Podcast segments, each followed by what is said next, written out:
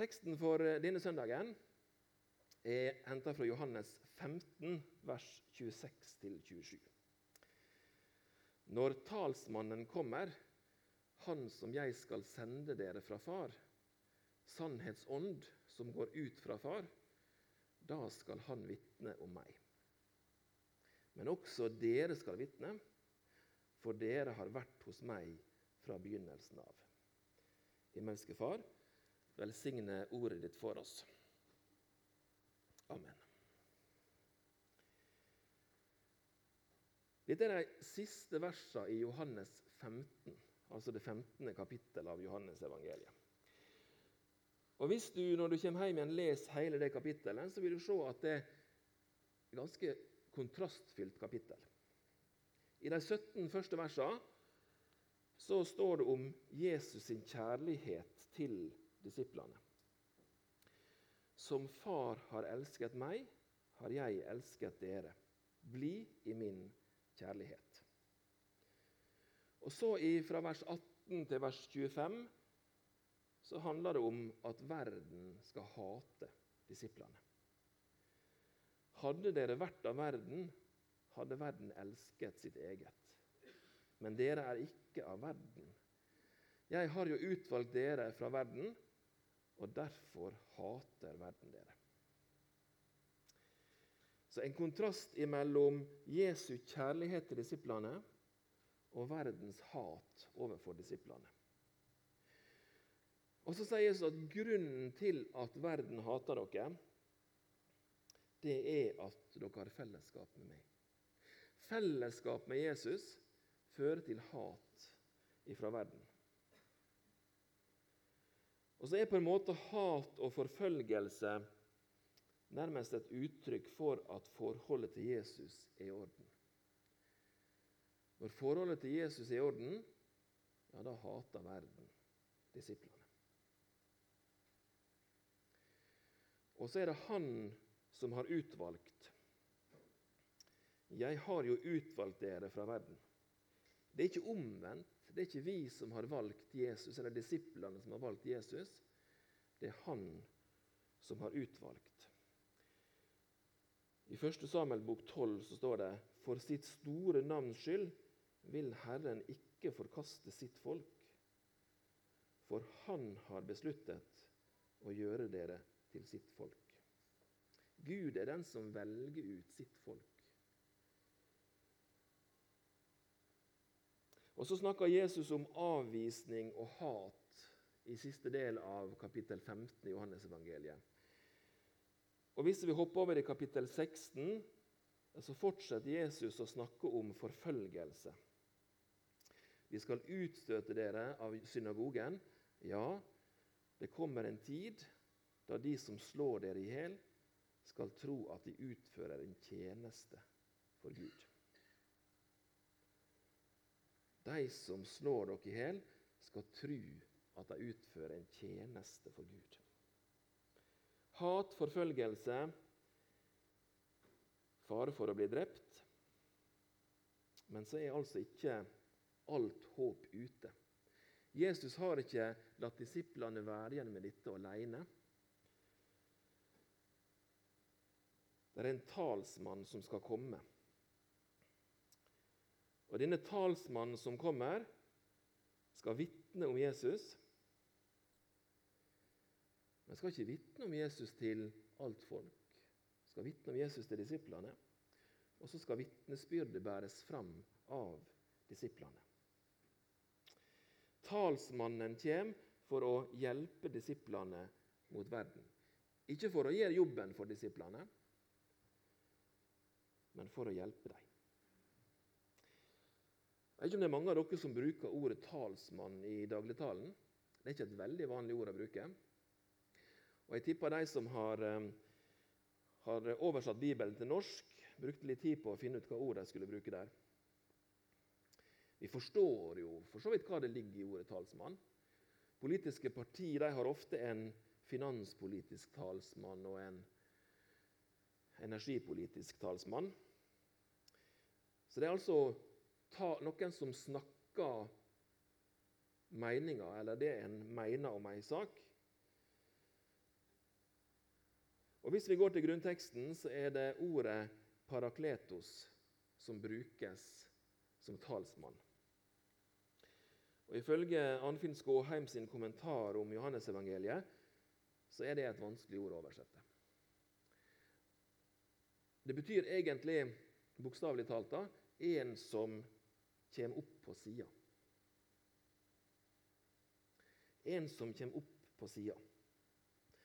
Det kan brukes om en forsvarsadvokat. I den latinske bibelen er det ordet 'advocatus' som er brukt. Altså en forsvarsadvokat som taler din sak, som taler disiplene sin sak. Og Det er samme ord som Jesus sjøl bruker i 1. Johannes 2,1.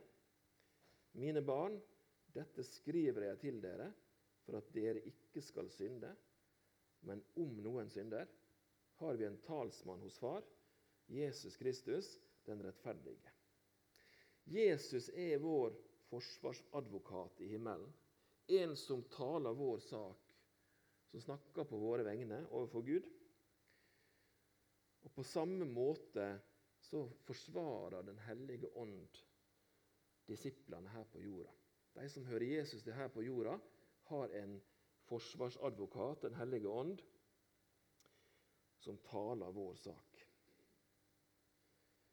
Og Så kan talsmann også bety en trøster eller en hjelper. En som hjelper deg til å holde ut. En som hjelper deg til å mestre livet. For disiplene så kunne kristenlivet være vanskelig. De, mange av dem opplevde grusomme ting. Og så skulle Den hellige ånd hjelpe dem å holde ut. Hjelpe dem å holde fast på Jesus sjøl når livet ble vanskelig. Den hellige ånd tar bort vår egen utilstrekkelighet, gir oss mulighet til å mestre kristenlivet. Og Så kan ordet parakletos også brukes om en veileder eller en forkynner. Jesus sier at han vil be Gud sende en talsmann når han sjøl er vekke. Og denne talsmannen den, eller, eller, og En annen talsmann, sier Jesus. Det må jo også bety at Jesus har vært en slik talsmann for disiplene. En hjelper, en forsvarer, en veileder.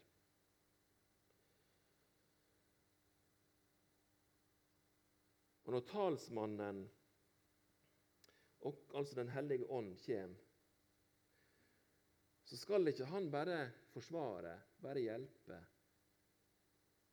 Men han skal også tale inn i hjertet. Vise hva som er rett og galt. Peke på synd i livet. Så vi ser at vi trenger frelse. Lære oss sannhet. Minne oss om det Jesus har sagt. I Johannes 14 så står det Men talsmannen, Den hellige ånd, som Far skal sende i mitt navn, skal lære dere alt og minne dere om alt det jeg har sagt dere. Disiplene har fått et vanskelig oppdrag fra Jesus. Jesus gir dem et, nest, nesten, et umulig oppdrag, og så reiser han fra dem. Så reiser han til himmelen. Og Så blir de igjen alene, og så skal de gjøre det umulige oppdraget. Men så sender altså Gud en som skal gå sammen med dem. En som skal hjelpe dem. En som skal forsvare dem og minne dem om det som Jesus har sagt. Når talsmannen kommer, skal han vitne om meg, sier Jesus. Og Så fortsetter Jesus, men også dere skal vitne. For dere har vært hos meg fra begynnelsen av. Så Det Jesus sier til disiplene, er at dere har masse erfaring i å være sammen med meg. Dere har vært sammen med meg helt fra begynnelsen. Dere skal bruke den erfaringa, og så skal dere vitne om meg. Dere skal vitne om det dere har opplevd. Jesus sier ikke at de skal vitne om noe helt annet. Nei, det er viktig at de vitner om akkurat det de har opplevd. Bare det de har opplevd sammen med Jesus, skal de vitne om. Det er viktig også for oss å tenke på i vårt eget liv, vårt eget kristenliv, vår vitnetjeneste. Jesus ber ikke oss om å vitne om alt mulig, om alle sannheter i Bibelen, og forsvare Bibelen. Jesus ber oss om å vitne om det vi har opplevd. Og det er ikke så veldig vanskelig. Kristen vitnetjeneste det handler om å formidle det en har opplevd i samfunn med Jesus. For noen av oss er det langt, en lang periode. Mange opplevelser. Disiplene hadde vært med fra begynnelsen. Og så skal vi vitne om det vi har opplevd. Men vi har så lett for å tenke at vi skal vitne om hele kristendommen. Hvordan komme til tru.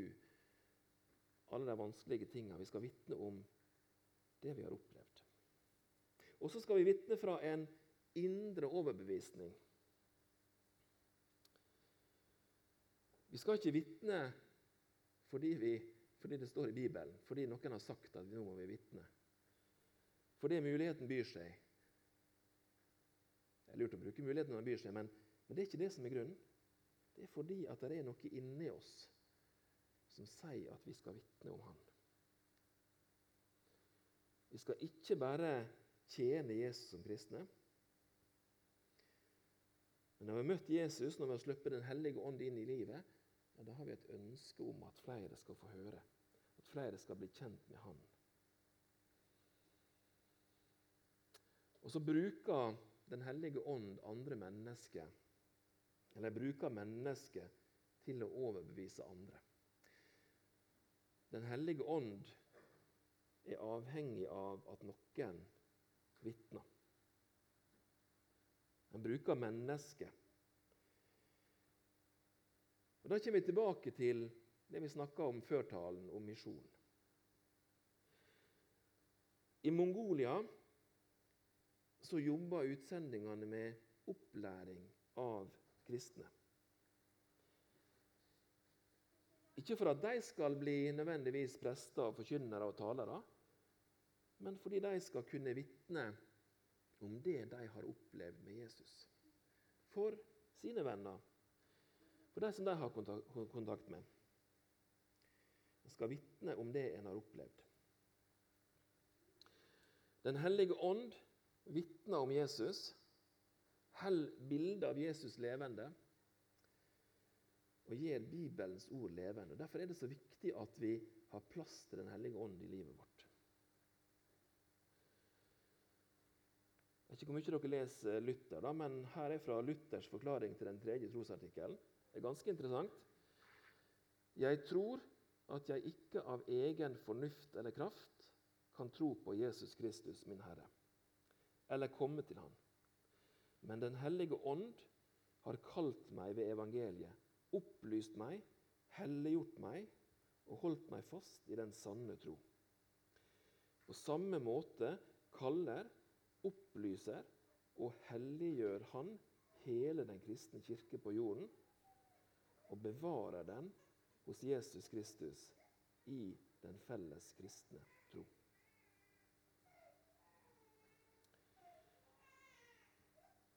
Talsmannen, Den hellige ånd, skal føre oss til Jesus, skal lære oss å tro på Jesus. Men den skal også gjøre oss til vitne.